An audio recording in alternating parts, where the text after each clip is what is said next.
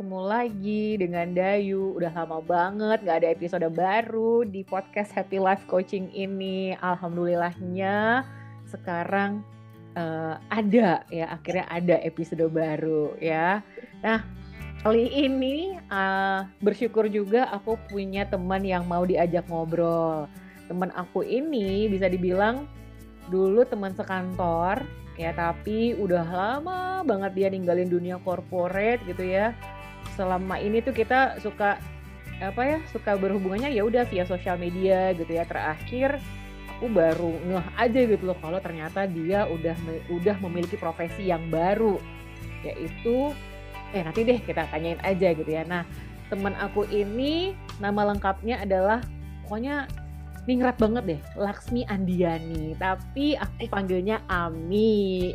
Halo Ami, welcome. Halo, halo Mbak. Nah, ini dong Mi, kan mungkin aku kan kenal kamu gitu ya, tapi kan mungkin kalau pendengar uh, podcast aku nanti kan juga kan belum kenal gitu. Mungkin yang teman kantor kita sih kenal lah ya, Ami siapa gitu ya. Tapi gimana nih Ami kalau apa profesinya apa sekarang? Kan tadi kenalin gitu. Profesinya apa? Kenapa ninggalin dunia korporasi terus sekarang profesinya apa? Oke. Sebenarnya simple, nggak simple diomongin, tapi prosesnya sih Mbak yang membuat kita jadi berasa apa ya kebentuk lah ya gitu. Prosesnya jadi agak berasa kebentuk. Apa sih prosesnya? Apa profesinya Ami sekarang? Jadi waktu meninggalkan perusahaan yang kita satu perusahaan itu gitu ya itu uh, di situ kan pindah ke Kalimantan. Jadi domisili saya sekarang di Kalimantan. Begitu menikah langsung di Kalimantan sampai dengan sekarang. Nah di Kalimantan itu bolak-balik keluar masuk perusahaan uh, ada yang mungkin masih adaptasi sama budayanya jadi nggak cocok. Mungkin adaptasi sama budaya kerjanya jadi juga nggak cocok gitu ya. Ataupun sama budaya di uh, domisilinya ini juga gitu kan. Banyak banget penyesuaiannya. Akhirnya jadi keluar masuk keluar masuk kerja sampai pada titik aku ngerasa gini wah kayaknya nggak bener nih kalau kayak gini. Gitu kan dan dulu juga aku ada ada ada ada program gitulah ya. Uh, ada program untuk dapat baby kan. Jadi aku nggak perlu harus nggak bisa masuk ke perusahaan tambang. Di sini kan paling banyak perusahaan tambang. Hmm. sementara kalau di perusahaan tambang itu kan berangkat pagi pulang malam berangkat pagi pulang malam. Nah terus habis itu hmm, di situ tuh suamiku tuh ngomong kamu kan udah psikolog nih. Gimana kalau kita nanti punya eh, satu usaha sendiri gitu ya. psikolog biasanya kalau udah meneruskan sekolah itu antara dosen atau menjadi konseling gitu kan. Buka praktek sendiri. Jadi kayak dokter cuma dia bukan dokter ya karena kita tidak dari S1 ke dokter. Akhirnya yaudah deh uh, biar aku langsung ambil profesi psikolog aja. Seperti itu. Uh, sekarang itu sih alhamdulillah amanah uh, yang diperjuangkan dan alhamdulillahnya Allah meridoi jalan ini ya sampai sekarang masih berusaha untuk menjaga amanah itu sih Mbak. Ini sebenarnya sih cita-cita aku dari dulu ya waktu SMA. Jadi nggak oh. tahu kenapa gitu. Semua ini justru malah hmm, omonganku yang dulu remaja itu yang aku nggak ngerti bahwa hati-hati dengan omonganmu itu kok alhamdulillahnya justru malah kebuktinya tuh udah berjalan terus gitu. Jadi ya itulah. Banyak sih mbak kejadian-kejadian dari omonganku tuh banyak banget yang akhirnya terwujud terbukti. Gitu dan ucapan adalah ya, doa tuh bener banget ya Mi ya. ya itu bener banget. Dan dan mungkin aku mengetahuinya tuh baru pas saat dewasa ya ya udah jadi akhirnya sampai dengan sekarang alhamdulillah eh, sudah hampir tiga tahun ya mau jalan ya mau tiga tahun ini berprofesi sebagai psikolog gitu Mbak Dayu. Oh, nah tuh ya jadi Ami, eh, aku sih bersyukur punya teman yang uh, seusia, cia kita seusia. punya teman Mbak lebih senior deh. Iya jangan diomongin juga kali Mi. Cuman aku tuh bersyukur punya teman sepantaran tuh yang ternyata wow profesinya psikolog gitu ya. Terus ini juga sih Mi, maksudnya uh, buat teman-teman pendengar podcast gitu ya. Nah mungkin kalau yang emang udah ngikutin kan uh, podcast ini kan juga sering banyak banyak lah membahas mengenai hubungan manusia gitu ya.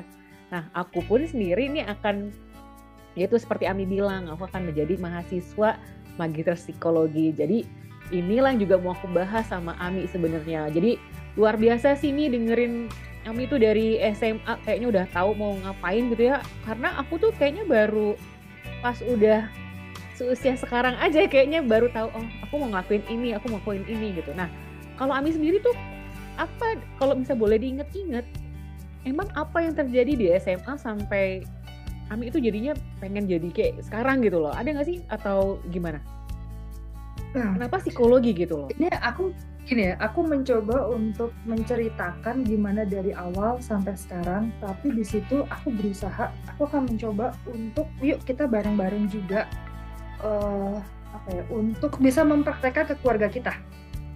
Hmm. gitu. Jadi ini real gitu. Artinya memang memang di dalam di dalam keilmuanku ini juga dipelajarin ternyata aku sendiri juga menghadapi itu gitu jadi dulu waktu remaja SMP mau naik ke SMA SMA itu kan ada penjurusan IPA sama IPS sekarang masih ada kan kayaknya eh sekarang iya nggak sih Ya kali ya. Masih mbak.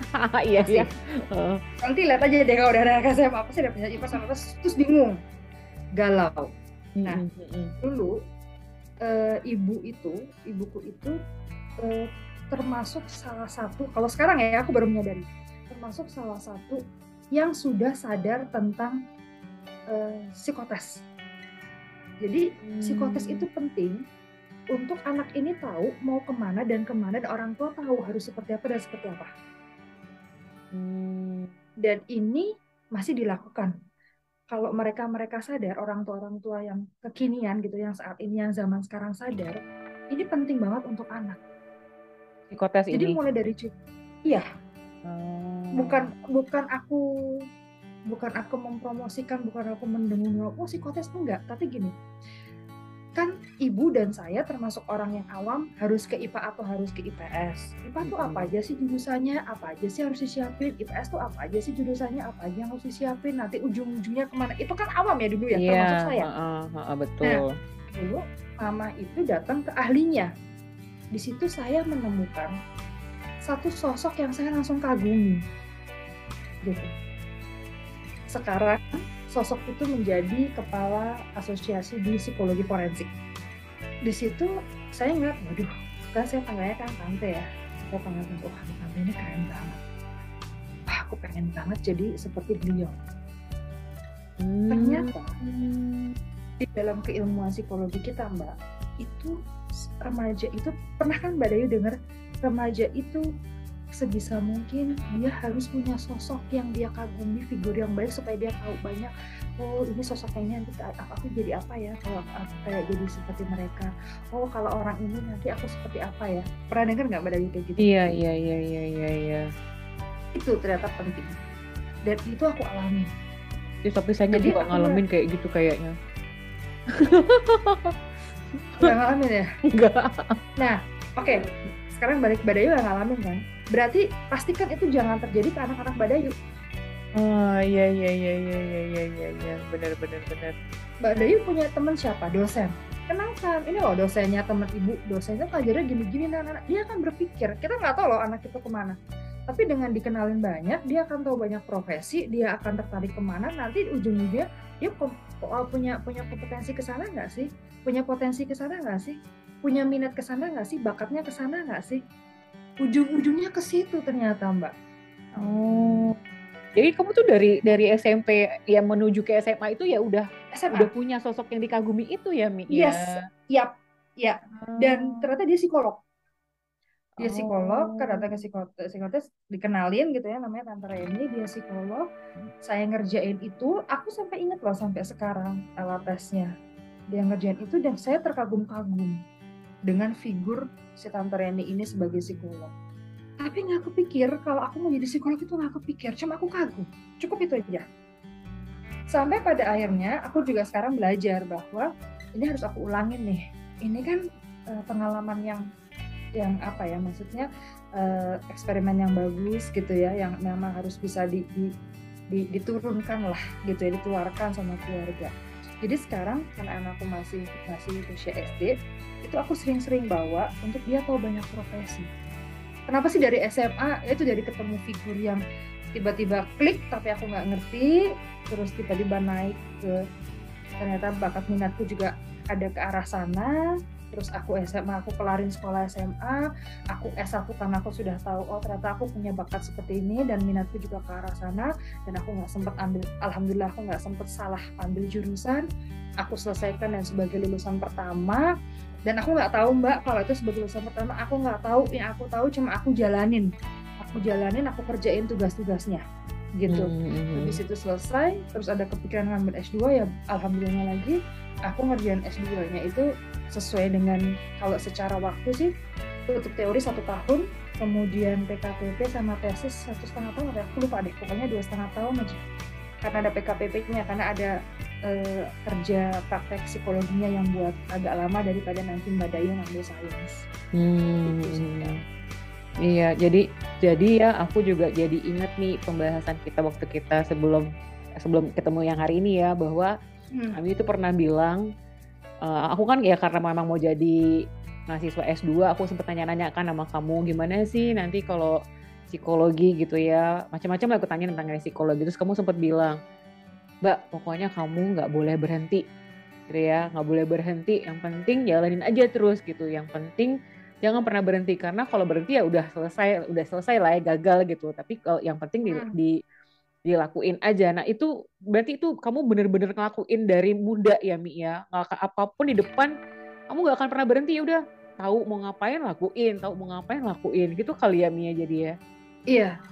Dan gini Mbak, aku sampai sekarang menjadi pribadi yang nggak pernah nengok belakang. Kalau untuk urusan maju ya, hmm. maju baik.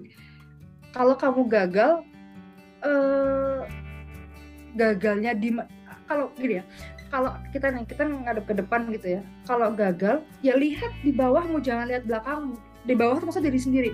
Hmm. kamu gagalnya tuh apa? Lihat diri sendiri jangan tengok belakang. Kalau tengok belakang nanti mesti akan keluar yang namanya. Oh iya tuh itu kemarin gini aku gini aku gini. Ada sih iya ada. Tapi itu Ami ke sini siniannya mulai belajar untuk nggak nengok belakang. Kalau untuk usaha maju ya. Dalam artian yuk kita maju nih mau ngapain? Kita berkembang nih kita apalagi nih harus kita garap? Kayak gitu.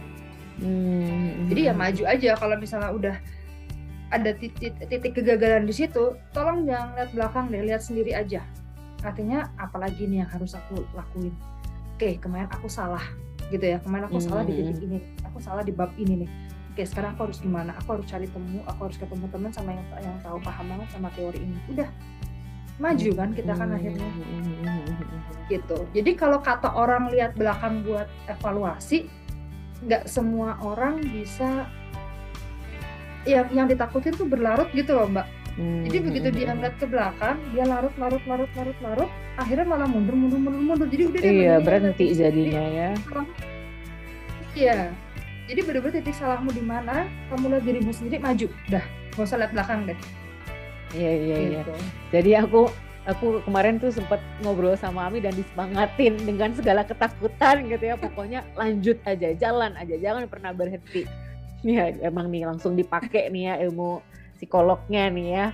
Nah nih kalau bicara misalnya tadi pas yang Ami cerita dari masa muda gitu ya pas emang udah tahu ya kagum lah sama sosok itu. Berarti eh, sekarang kalau kamu udah di udah posisi psikolog boleh nggak sih kalau misalnya berarti berarti aku bilang kamu tuh sebenarnya berarti jadi psikolog itu ya memang pengen membuat orang tuh mengalami hal seperti yang kamu alami karena kamu mengalami hal yang menyenangkan kalau misalnya dibilang gitu ya bahwa uh, karena sudah tahu masih gimana dari muda. Nah, gini. Berarti apakah kamu nanti fokusnya ke anak-anak muda itu atau gimana? Ada pem, ada pemfokusan nggak sih kalau psikolog itu ke ke, ke urusannya ke mana uh, gitu orang-orang ya? Uh, uh, uh, uh. Tiga, tiga sih mbak fokusnya. Fokusnya tiga uh, psikolog pendidikan, psikolog anak sama psikologi industri. Nah, alhamdulillahnya kami psikologi eh, psikologi industri organisasi jadi lebih ngurusin kayak kekaryawanan, ngurusin organisasi, struktur organisasi semua yang berhubungan dengan karyawan dan organisasi dan perusahaan. Cuma karena sekarang domisilinya Ami minim banget psikolog, jadi mau nggak mau Ami harus belajar banyak lebih dari itu. Dan sampai sekarang alhamdulillah masih tercover. Gitu. Jadi apa yang kalian datang gitu kayak misalnya uh, ya banyak lah mbak masalah perkawinan dan sebagainya itu datang yang kalian masih bisa tercover seperti itu.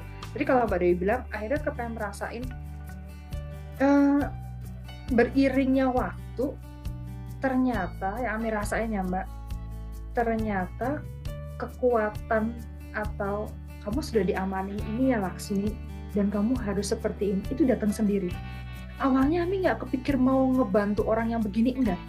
Nggak kepikir mau nanti orang supaya supaya kayak aku nih jangan sampai terperosok gini gini gini siapa tahu nanti bisa bantuin. Enak loh jadi kayak aku karena e, banyak jalurnya nanti tahu kalau udah tahu bakat minatnya gampang gini gini. Gini sebenarnya itu idealnya mbak Dayu tapi nggak semua orang kan sadar akan hal itu. Contohnya hmm. bakat minat tadi ya. Hmm. itu idealnya begitu tapi uh, ternyata tidak semua orang uh, paham buat apa sih bakat minat toh nanti ketemu sendiri itu sendiri nah mm-hmm. kalau Ami terbebani dengan itu itu kan jadinya malah nggak berkah ya menurut Ami ya karena mm-hmm. ternyata yang ada sekarang yang Ami harus lakukan adalah dia datang permasalahannya apa kita kita diskus bareng kalau Amis lebih senang ngomong diskusi ya, tapi sebenarnya konseling. Di akhirnya memang konseling, artinya memang dia harus punya komitmen untuk berubah. Itu bedanya konseling sama curhat. Kalau curhat cuma dengerin, tapi kalau konseling kamu komitmennya apa? Oke, kalau komitmennya apa kira-kira kamu bisa lakunya mulai kapan? Dan kira-kira perubahan itu bisa kamu rasakan kapan? Hmm. Karena ada komitmen itu. Dan kamu dari sini itu harus harus ada lakukan perubahan. Perubahan itu tidak harus langkah besar, tapi justru yang kecil-kecil itu asal komitmen itu berarti keberhasilan dari suatu konseling hmm. benar-benar orangnya kliennya komitmen gitu nah kalau tadi mbak Badari bilang yang merasakan yang sama itu idealnya sih mbak tapi ternyata nggak semua orang bisa bisa satu pemikiran dengan kita hmm. seperti itu tapi beba, apa ya tapi satu yang harus Ami selalu pegang itu adalah kita mengedukasi orang itu aja hmm. itu yang itu yang di darah gitu ya di darah terus mengalir kamu harus edukasi. Walaupun dua kata ayo mbak Dayu semangat. Itu berapa kata sih mbak? Cuma manggil nama tambah semangat gitu kan. Ayo mbak Dayu semangat tiga kali doang. Tapi kamu harus bisa punya energi itu ke orang gitu loh salurkan energi itu. Jadi nggak mesti orang itu harus berubah tapi setidaknya kamu udah nyalurkan energi positif kamu kamu sudah memberi yang terbaik sebisa walaupun ilmu kamu masih terbatas tapi sebisanya kamu itu udah bagus udah cukup. Jadi amanahku sudah jalan. Lebih ke situ sih sebenarnya. Hmm, oke oke oke. Dan apalagi ini belakangan pun kayaknya orang tuh makin makin sadar nggak sih bahwa apa sih psikologi itu ternyata penting gitu ya Mia? Belakangan ini hmm. apalagi sejak pandemi gitu ya sejak hmm. pandemi terjadi tuh orang tuh udah mulai melek terhadap psikologi gitu. Nah kalau misalnya Ami pengen apa ya uh, men, men, menyimpulkan gitu ya sebenarnya tuh berarti ilmu psikologi psikolog nah itu tuh sebenarnya apa? Terus beda nggak sih sama psikiater gitu ya? Maksudnya apa hubungannya dengan ya belakangan orang nih yang katanya tuh orang udah mulai aware dengan kesehatan mental dihubung-hubungkan juga dengan makanya orang-orang tuh ya nggak tahu dia benar apa salah gitu ya tadi pemahaman aku. Cuman orang tuh jadi mulai aware dengan dengan psikologi gitu ya mulai aware dengan kesehatan mental. Nah sebenarnya kalau simpelnya lah mi sebenarnya jadi ilmu psikologi psikolog psikiater tuh se serentetan gak sih? Bedanya apa? Kalau psikiater ya kalau psikiater itu dia dari kedokteran mbak. Dari kedokteran oh. dia ngambil ilmu kejiwaan makanya dia ngomongin dokter psikiater. Dan dia dokter. Dia boleh resepin obat. Tapi kalau psikolog itu dia tidak boleh resepin obat. Tapi dia bisa terapi terapi kayak gitu kayak gitu. Hmm. uh, hipnoterapi apa pun itulah. Dokter bisa bisa kalau dia ngambil sertifikasinya. Gitu. Kemudian kalau yang science dia biasanya lebih ke arah akademis. Hmm, gitu lebih ke arah akademisi jadi dia biasanya dosen-dosen tuh. Dosen-dosennya concern banget ya karena uh, apa namanya penelitian. Kemudian akademisi akademisnya itu arahnya ke sana. Hmm, gitu sih nah terus nah ini aku mau mau cerita mau sharing juga. Tapi kan ada satu figur ya mbak yang aku lihat saat remaja. Dan figur itu nggak tahu kenapa jadi ngeklik banget. Ngeklik dan nggak bisa lepas ternyata. Mm -hmm. baru menyadari itu dan entah kenapa pada saat kemarin aku ngambil S2 ada satu figur lagi. Kan ini udah dapet dong figur yang pertama udah dapet nih. Mm-hmm. dan ternyata alhamdulillah profesinya sama. Ya terus ada satu waktu aku ngambil S2 karena aku belum jadi psikolog ada satu figur ya aku ngeklik juga. Dan dia tahu nggak mbak siapa profesinya? Profesor doktor dan dia dosen makanya kenapa kemarin aku sempat ngobrol sama mbak kan? Oh, oh, mau jadi dosen. masih dikasih. Nah, kalau kalau misalnya aku dikasih kesempatan aku kayak mau jadi dosen. Dan kalau aku dikasih kesempatan artinya masih ada umur semuanya. Kesempatan artinya aku nggak maksa ya? Nggak Hmm. maksa dengan kondisi ada kesempatan terus eh, apa namanya memang semuanya mau mendukung. Aku pengen banget ngambil S3 Mm-mm. dan nggak tahu kenapa karena figur itu tadi aku lihat mbak dosenku itu tapi dia udah almarhum itu dosen perempuan. Dia dia eh, apa dia udah usianya udah udah lansia lah ya. Tapi ilmunya gila banget. Terus dia itu kalau ngajar pakai tongkat karena jalannya juga udah susah tapi dia masih ngajar. Hmm. dan suaranya masih lantang Hmm. gitu. Mhm. jadi Mbak tahu nggak? Kita kan pernah ya belajar visi perusahaan. Kalau visinya udah dapet boleh nggak sih ganti visi baru? Iya nggak Mbak? Pernah gitu nggak. Iya kan? Ternyata betul itu. Ternyata begitu figurnya itu udah aku dapetin gitu ya udah jadi ini sama gitu ternyata aku mau mau punya figur lain yang ternyata lebih apa ya aktualisasinya lebih jauh lebih tinggi lagi. Begitu ternyata kalau memang mau mau naik tangga ya mau naik tangga dan melihat satu figur yang benar-benar membuat kita tuh oh jadi begitu begitu. Karena aku sama eh, sama ibu dosen ini kan sering banget ketemu. Dan itu kan makin ngeklik ya. Mhm. semakin ketemu. Ini kenapa ilmunya banyak banget kenapa ilmunya keren banget kenapa bagus banget dari dari semua dosen. Cuma dia yang ngeklik. Aku di hatiku tuh cuma dia. Gitu. Hmm. Duh, mudah-mudahan aku Dan- nanti juga ketemu yang aku nggak tahu lah ya Mia kan emang belum mulai ya tapi mungkin kamu nih salah satunya juga yang jadi. Eh keren juga Ami nih. Lebih muda daripada aku gitu loh. Tapi ya ampun ilmunya. Luar ternyata biasa. tuh nggak berhenti ya mbak? Ternyata nggak berhenti asli itu nggak berhenti. Dan entah kenapa aku tuh sempat keceplos gitu. Dek sama sama anak aku, aku anak aku kan baru satu ya mbak. Bunda tuh penasaran kalau misalnya nanti Zafrin ujian eh, S1 kan ada uas yang mbak. Kan dia ujian aku lupa eh bener ya tanggal semester dan sebagainya. Bunda tuh penasaran kalau nanti Zafrin ambil S1 terus bunda S3 kita sama-sama ujian kira-kira belajarnya kencengan siapa sih? Keceplos loh aku ngomong gitu. Dan itu Hmm. bener-bener aku penasaran. Aku bener-bener penasaran maksudnya kayak apa sih nih anak? Sama aku kalau sama-sama belajar ribut apa sama-sama gini apa sama-sama di di apa namanya di ruangan sendiri-sendiri apa gimana? Gitu dan kita satu kampus gimana Zafrin? Apa namanya Zafrin kan? Itu udah kebayang gitu loh mbak. Jadi kayak udah ada peta eh pasti belajar dong Iya, ini iya, kita iya, iya. bareng-bareng. Nah visualisasi gitu ya Mia iya iya iya. Gitu visualisasi. Jadi nggak nggak berhenti sampai situ ternyata. Begitu kita udah dapet figur sama kalau mau maju dan kita bisa cari figur yang lain yang buat kita tuh kok keren banget aku pengen banget jadi kayak gitu. Ya udah tinggal tinggal alam semesta nanti yang akan menjawab. Hmm, amin deh semua tuh buat amin ini amin ya. alamin. Buat ini ya angan-angan yang udah di dalam kepala tuh ya Mi ya tinggal. Kepala. Oh, udah di dalam benak lah kan ya. Bener tuh Mi. Maksudnya tinggal ya kan ucap ucapan adalah doa bener lagi. Kita ucapin yang baik-baik kan kita nggak tahu yang mana yang akan dikabulkan ya kan bener kan? Hmm, hmm, hmm. ucapin makanya yang baik-baik. Nah Mi tapi kalau misalnya dari dari point of view Ami gitu ya.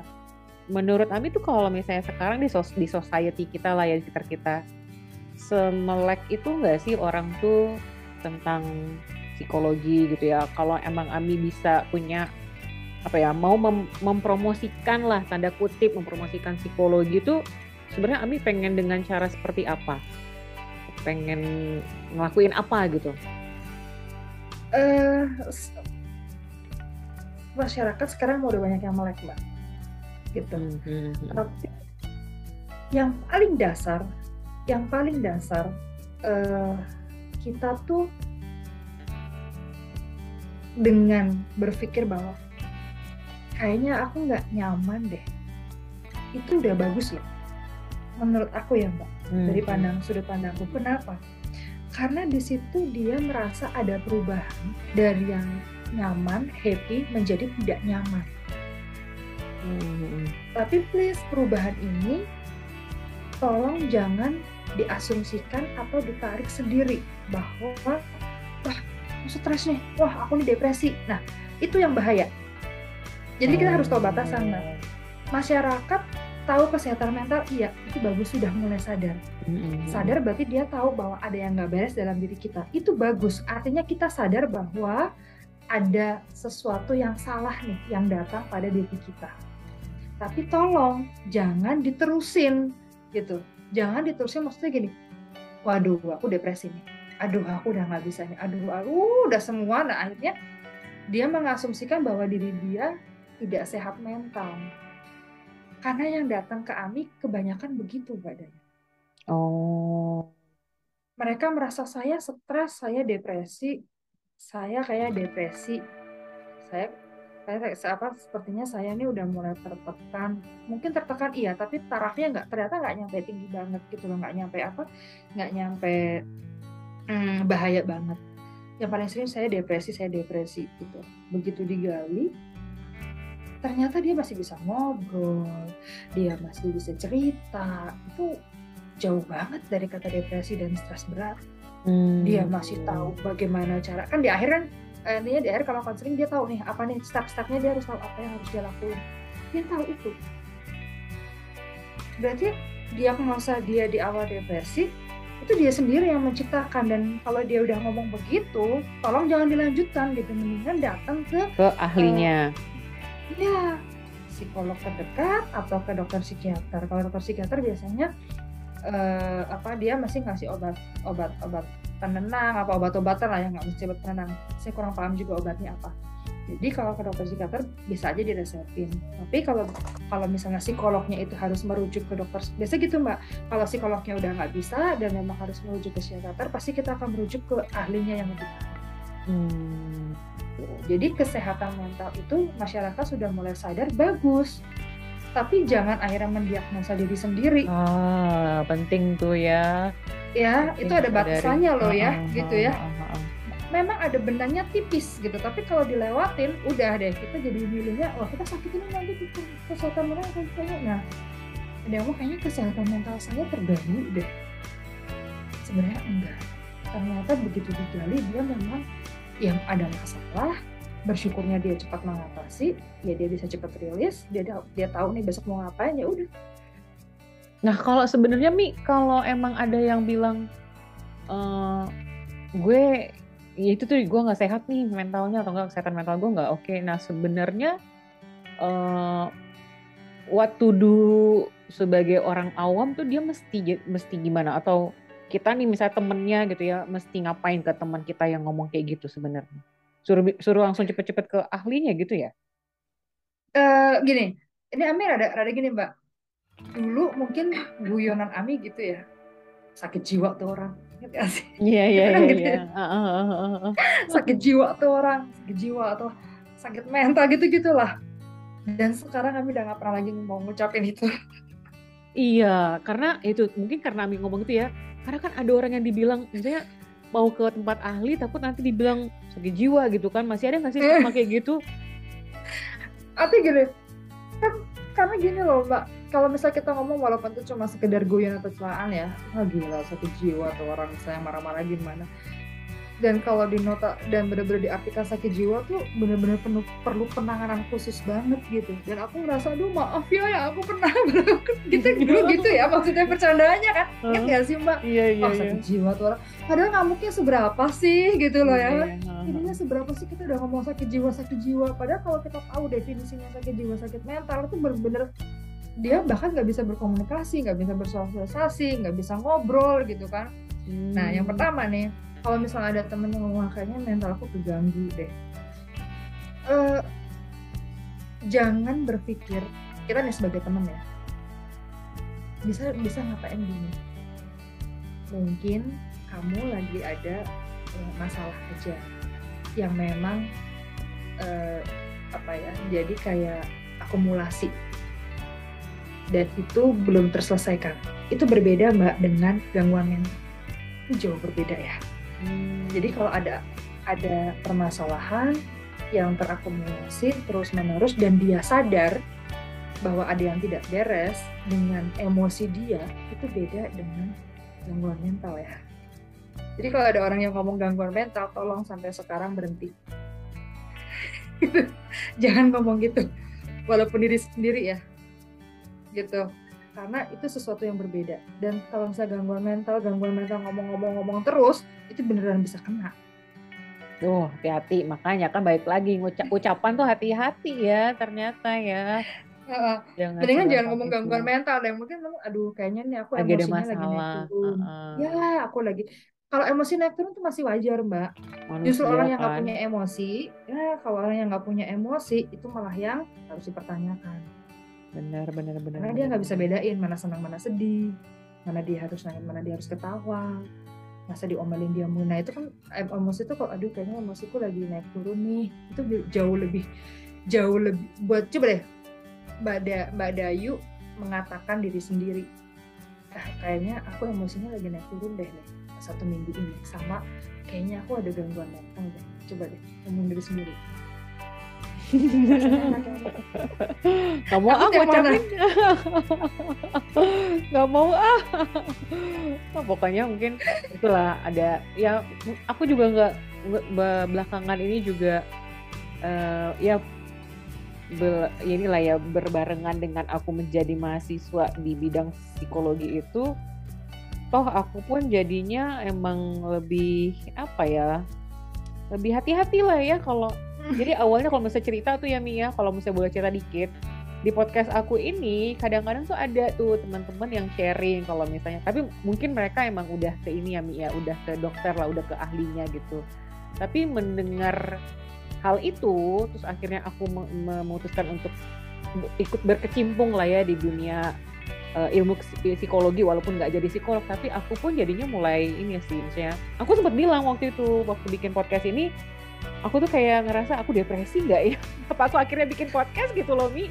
Karena waktu itu aku ngerasa kayaknya aku waktu zaman pandemi tahun lalu 2021 gitu kan banyak sekali berita duka cita terus aku pakai ketakutan sendiri gitu. Jadi hmm. aku nggak nggak nggak ngantor kan di rumah WFA terus kayak ngerasa depresi nggak ya? Aku nih kayak aku pernah terisolasi. Terus akhirnya podcast ini sih yang lahir gitu. Tapi ya mulai dari itu tuh kayaknya enggak sih kayaknya nggak depresi toh seperti aku bilang gitu loh aku masih baik-baik aja hati-hati gitu loh. kebukti kan kebukti kan mm-hmm. gitu kan untungnya untungnya di stop di situ gitu loh untungnya barunya nyetop diri sendiri bahwa aku nggak depresi kan nggak semua orang punya nggak semua orang punya pemikiran dan cepat cepat tanggap begitu mbak ke diri sendiri Benar, benar, benar, benar. Ada orang yang terus melanjutkan, melanjutkan, melanjutkan gitu. Terus kenapa misalnya contoh ya kenapa nggak diganti dengan begini sih pada saat pandemi kemarin aku aku buat podcast kayak gini depresi nggak ya?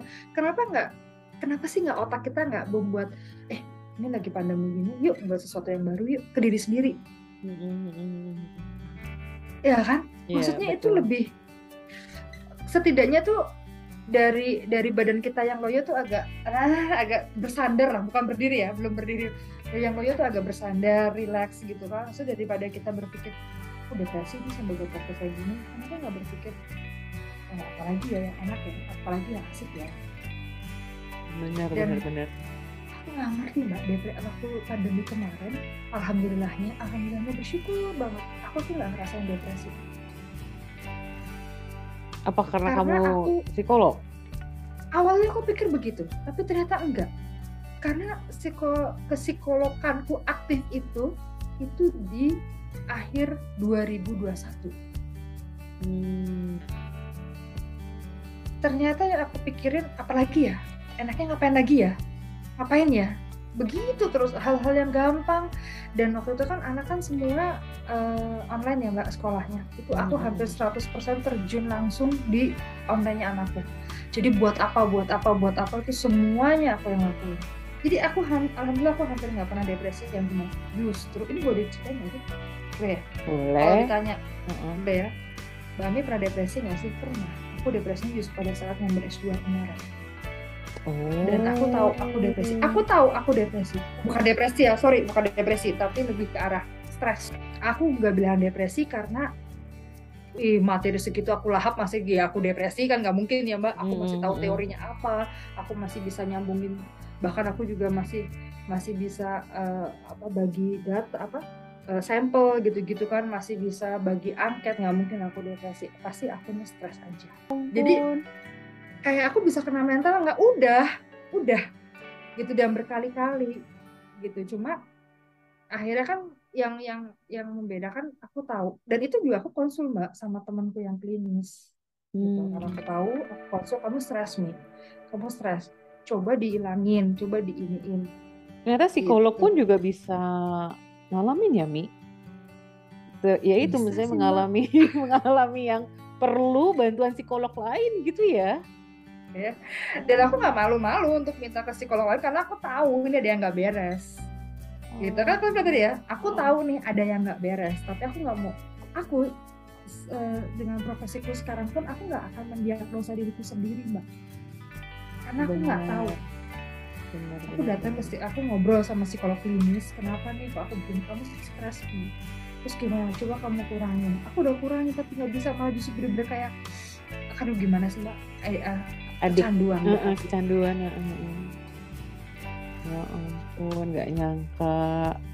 Mi jadi kalau kalau kamu tadi ceritain tentang kamu ternyata pernah juga menjadi kliennya psikolog lain gitu ya lakuin konseling gitu ya kalau kamu misalnya sejauh ini di profesi kamu sebagai psikolog ada ini gak sih Mi ada yang paling berkesan gitu yang membuat kamu jadinya ya nggak akan berhenti lah maksudnya nggak akan berhenti di di profesi ini karena ya pernah menangani mungkin konseling yang benar-benar berkesan itu ada nggak sih Mi? kalau dibilang berkesan kayaknya bukan berkesan Mbak, tapi banyak belajar kali Mbak. bersyukur Oh iya iya iya iya. udah lebih banyak bersyukur kalau berkesan sih hampir semua kasus sih sebenarnya sih nggak ada yang mengesankan ya tapi kalau membuat kita akhirnya oh ya ampun ternyata aku masih begini tuh hampir semua kasus jadi kalau satu hari aku ngadepin tiga kasus ya tiga kali itu membuat mataku melek dan aku ngerasa bahwa ya Allah ternyata hidup cuma segini doang. Ya gitu dong Jadi banyak bersyukurnya ya Mi ya jadinya ya. banyak bersyukurnya mbak. Banyak bersyukurnya. Bersyukur banget tuh udah deh pokoknya bersyukur banget. Apa pun itu pokoknya bersyukur. Aku udah gak bisa ngomong deh. Udah mentok banget udah udah. Kasus apa pun. Baik kasus stres kerja baik kasus eh, kekerasan seksual pelecehan seksual anak. Ah semuanya itu udah bersyukur aja. Hmm. bukan aja bersyukur. Iya iya iya iya iya. Benar benar benar bersyukur gitu. Benar benar. Ya itu ya banyak bersyukur ya ternyata ujung-ujungnya ya. lebih begitu kayak gitu. Dan memang banyak sih ya maksudnya kalau dan aku baru tahu ya kalau dulu tante-tante waktu kecil ngomong wah mentalmu emang ini mentalmu. Itu itu baru kejawab sekarang ya karena kemarin juga kan aku baru baru satu opera, ada operasi gitu. Operasi yang memang kalau mungkin ya mungkin mungkin kalau aku baca dari testimoninya kan karena sebelum operasi kan aku baca baca itu kebanyakan mereka down down down gitu. Down terus habis down kayak gitu pokoknya inilah eh, apa namanya hmm, nggak bisa terima operasi itu gitu kan. Tapi ternyata begitu operasi itu dihadirkan padaku gitu ya dari yang maha kuasa ternyata malah membuat aku tuh jauh lebih senang happy banget Hmm. suka banget senang banget terus bahagia banget daripada yang dulu kayak gitu ya itu yang yang sakitku menahan Oh jadi sebegitu kena mentalnya iya tapi iya iya iya. iya. paham dong kalau di sisi perempuan seperti Mm, apa mm, mm, mm, mm. cuma balik lagi mbak ternyata Allah tuh nyiapin aku tuh tuh amazing banget. Maksudnya aku nggak sedih. Alhamdulillah nggak ada satu persen pun aku rasa sedih. Kalau aku boleh cerita ya. Hmm. bahkan aku gimana aku mau gimana aku mau ngelupain sedih pun enggak. Biasanya kan kalau orang sedih dulu sedih udah aku lupain gitu kan. Ini enggak. Gimana aku mau ngelupain gitu. Kan maksudnya aku alhamdulillah nggak nggak dikasih sedih sama Allah. Mi, apa ya kalau misalnya mau dibilang kekuatannya tuh datang dari mana tuh? Mi? Apa kekuatan yang membuat kamu kuat itu bagian dari ilmu atau emang ya udahlah maksudnya apa tuh jawaban kamu apa sih singkatnya apa? Oke. Jadi kalau dibilang uh, datangnya dari mana kekuatan, aku nggak ngerti mbak datangnya dari mana. Dan itu memang energi yang kekuatan itu tuh buka bukan ngaruh kah manusia karena, bu, bu, enggak, berarti nggak ngaruh ngaruh kah karena kamu tahu ilmu psikologi atau nggak ngaruh? Enggak enggak enggak ya? Enggak enggak itu sesuatu yang berbeda jadi ah. kalau tapi kan ininya gini nih psikolog pernah kena mental pernah kalau aku sering mm-hmm. gitu ya kemudian yang kedua terus apa yang kamu bisa ambil ternyata Allah nyiptain aku kuat mental dulu sebelum kamu nguatin mental orang Ah, Paham, itu. Mbak? Iya, iya, iya, iya, iya, iya, iya, benar, benar. Aku merasa begitu ya. Jadi itu titik terangku di situ. Jadi Allah mau apa seperti seperti ngasih tau aku nih, kamu harus kuat mental dulu. Gimana kamu mau kuat mental? Kalau kamu mau nguatin orang, mental orang mau nguatin berapa? Pasalnya datang sama kamu nggak cuma satu dua, dan itu kasusnya ngeri-ngeri. Iya, betul. Kalau dibilang kasusnya ngeri-ngeri, betul mbak gitu jadi kalau kamu mau nguatin mental kuatin mental kamu dulu yeah, dan yeah, sekarang yeah. mbak kalau ada orang ngomong kalau ada orang nanya nih uh, kalau ada orang tanya dan aku bercerita aku santai ceritanya Oh, seperti halnya sekarang ini ya. Karena aku merasa dan aku harus punya body language bahwa orang akan melihat apa yang aku perbuat ke orang lain, bukan peristiwa-peristiwa yang ada dalam hidupku. Jadi orang nggak akan melihat, oh tante Ami itu malah penyerahan gini-gini nggak akan lihat itu. Dan aku, aku dan insya Allah aku yakinkan itu yang mereka lihat oh tante Ami ya uh, Mbak Ami ya yang gitu ya yang yang yang buka konsultasi ya yang buka praktek ya hmm. aku ingin memastikan itu gitu. Dan kita juga harus mengunci itu sebenarnya. Itu yang psikologi sih Mbak. Jadi aku harus mengunci bahwa body languageku adalah memang orang-orang yang aku punya prestasi. Aku punya uh, alhamdulillah aku bisa punya kontribusi. Dan kontribusiku nggak kaleng-kalengan loh. Nah jadi orang lihatnya itu. Ya ampun, Ami ngobrol sama Ami kayaknya nggak cukup nih ya, cuma satu kali ini aja gitu ya. Tapi for the sake of this episode podcast lah ya, Mi uh, masih berhubungan hmm. dengan ini kan, maksudnya pembahasan kita adalah mengenai psikologi, psikologi lah utamanya. Kalau hmm. emang Ami boleh berharap gitu ya, peran ilmu psikologi ke depannya terhadap diri kita sendiri, terhadap siapa pun lah, terhadap society, masyarakat. Nah, Ami punya harapan apa, Mi? Ya dengan Makin ya banyak sad- mengalami gitu ya, ya gimana? Mengalami gitu. Kalau Ami lebih ke arah kita makin sadar bahwa jiwa, mental itu bagian dari hidup. Jadi kalau dibilang Mi, kapan sih tugas profesi yang kayak kamu profesi psikolog ya di mana pun kapan berhentinya gitu ya. Kami kan juga pernah sharing sama Dewi dia nggak akan pernah berhenti selama ibu-ibu di dunia itu melahirkan anak. Hmm. karena begitu ada ada ada ngek bayi ada tangisan bayi keluar di situ pasti ada jiwa di situ pasti ada mental hmm. dan di situ mulai terbentuk. Salah dikit kebentuk efeknya ke mana-mana hmm. salah dikit ngebentuk efeknya ke mana-mana salah dikit kasih perilaku kasih stimulus ke anak efeknya ke mana-mana salah hmm. dikit penanganannya salah dikit pola asuhnya efeknya juga ke mana-mana Ya, gitu. jadi uh, penting ya Mi ya jadi nah, ternyata ya. Penting banget. Jadi kalau udah ngomong kayak gitu, udah banyak-banyak pokoknya ya kan sekarang sosial media gampang banyak banget wawasan banyak banyak cari tahu cukup sampai di situ ya. Banyak banyak wawasan banyak banyak cari tahu. Jangan dilebihin. Kalau dilebihin nanti ujung-ujungnya wah bener nih. Aku depresi nih. Iya, persis ya, dia, nih ciri-ciri. Diagnosa diri sendiri lagi jadinya ya, ya uh -huh. gitu. Boleh kok bawa boleh kok bawa referensi dan nanti ditanyakan ke uh, profesinya ya sesuai dengan profesinya. Kalau emang sakit ya baca boleh. Sebanyak-banyaknya punya wawasan. Nanti ceritakan tanyakan di ruang konsul.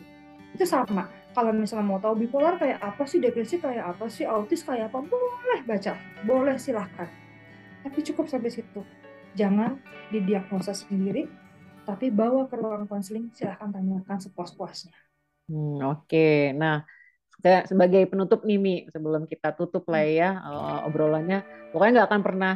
Kalau aku jam, aku jam dua pagi masih sanggup nih Mbak. Kamu. Nanti kita bikin episode yang berikutnya kayaknya nih ya. Nah tapi untuk ini dia, untuk perkenalan lah mungkin aku selalu berharap lah ya dan mudah-mudahan ini nyampe. Jadi apa pun pembahasan atau percakapan aku dengan teman-teman yang ada di podcast, aku berharap ada yang mendengar tuh saya akhirnya oh jadi jadi tahu gitu ya. Oh ternyata begini. Oh ada Ami di balik uh, di di Banjarmasin di, di Kalimantan ternyata seorang psikolog gitu ya. Aku pengen semua yang dengar tuh jadinya oh ada ada si siapa di sini, ada siapa di sini. Nah, sama seperti halnya kalau misalnya emang nih uh, misalnya nih orang pengen tahu Ami konselingnya tuh di mana men, men, menjangkau Ami itu via apa gimana gimana kita kasih taunya ke okay. yang dengar kalau Ami sendiri kan sekarang domisilinya ya. Domisilinya itu di uh, Tanjung Tabalong Kalimantan Selatan. Jadi Kalimantan Selatan itu ada satu kabupaten gitu ya namanya Tanjung. Uh, uh, kabupaten Kabupaten Tabalong. Eh pokoknya Tanjung Tabalong bisa juga lupa. Gimana Tabalong, sih Kalimantan Selatan. Sebutnya lupa. Gitu ya jadi kami di Tanjung Tabalong Kalimantan Selatan domisilinya prakteknya masih di sini. Cuma karena sekarang bisa online jadi alhamdulillahnya kami ada tuh klien di Medan ada gitu ya. Di di Jawa juga ada dan di Sumatera juga ada karena online kan. Hmm. jadi nah ini juga nih mbak.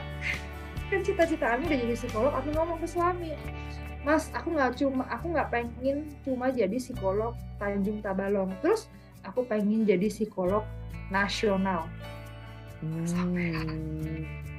kesampean alhamdulillah jadi ya alhamdulillah kalau di Batam juga ada Gimana mau ketemu Ami? Ke ke mana?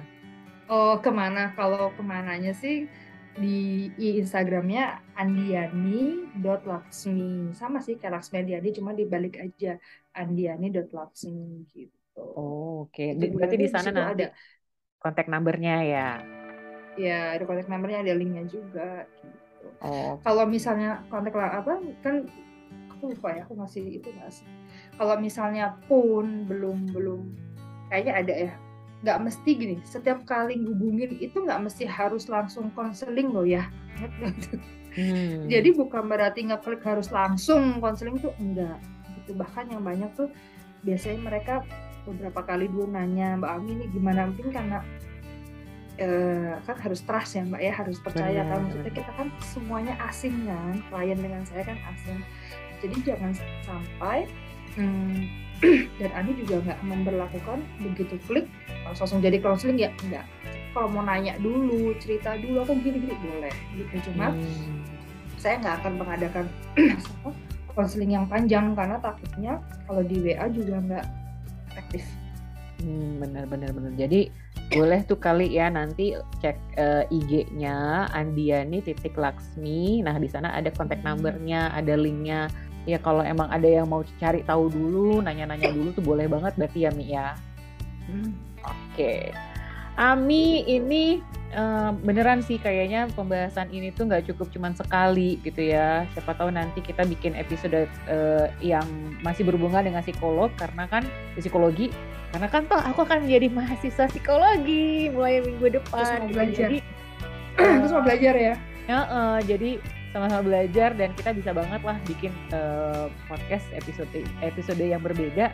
Nah, tapi untuk yang kali ini mungkin thank you ya Ami ya atas waktunya udah mau berbagi, sama udah mau ngasih inspirasi. Nah, pokoknya ceritanya yang aku aja terinspirasi selalu lah. Aku selalu bersyukur banget ketemu sama teman-teman tuh yang selalu di percakapan tuh pasti membuat aku terinspirasi yang Karena gini aja bersyukur ya. Uh -uh ya kayak kamu bilang tadi kayak kamu mungkin punya punya sosok yang bikin kagum nah mungkin kamu salah satu yang Ani tuh lebih muda daripada aku gitu loh tapi ternyata tuh udah jauh gitu loh. Ya lo lebih muda 10 tahun loh. 15 tahun aku lebih muda daripada Mbak Dayu. Lebay nggak nggak bohong bohong. Nggak kok. Ami cuma muda beberapa tahun aja. Iya ya. Pokoknya alhamdulillah mbak. Yeah, semua yeah, kasus-kasusku yeah. itu uh, belum apa-apa. Uh, maksudnya sorry, aku tuh belum apa-apa. Di titik ke mana aku operasi pun tuh belum apa-apa. Daripada semua kasus yang ada. Iya, itu iya. belum apa-apa gitu. Ya, aku sih nggak kebayang lah ya, misalnya yang ya karena kan itu pas pasti uh, confidential gitu ya, tapi aku nggak nggak kebayang lah dengan yang kamu bilang kamu yang kamu alamin aja nggak ada apa-apanya. Buat aku aja kayaknya itu udah udah apa-apa itu gitu loh. Jadi luar biasa nih. Thank you, thank you banget udah berbagi, sudah bercerita. Sama Mbak. Moga-moga nanti kita ketemu lagi di episode yang lain nih. Sampai nanti kita ketemu Amin. lagi. Take care ya Ami Amin. ya, sehat-sehat. Hmm, sama-sama Mbak. Sehat-sehat. Aku kemarin baru covid lagi nih positif lagi. Nah, Dua kali. jaga kesehatan. Jangan sampai jam 2 beneran ya Mi ya, walaupun kuat tapi harus jaga kesehatan gitu. Thank you lagi Oke. ya. Dadah. Sama-sama Mbak. Dadah.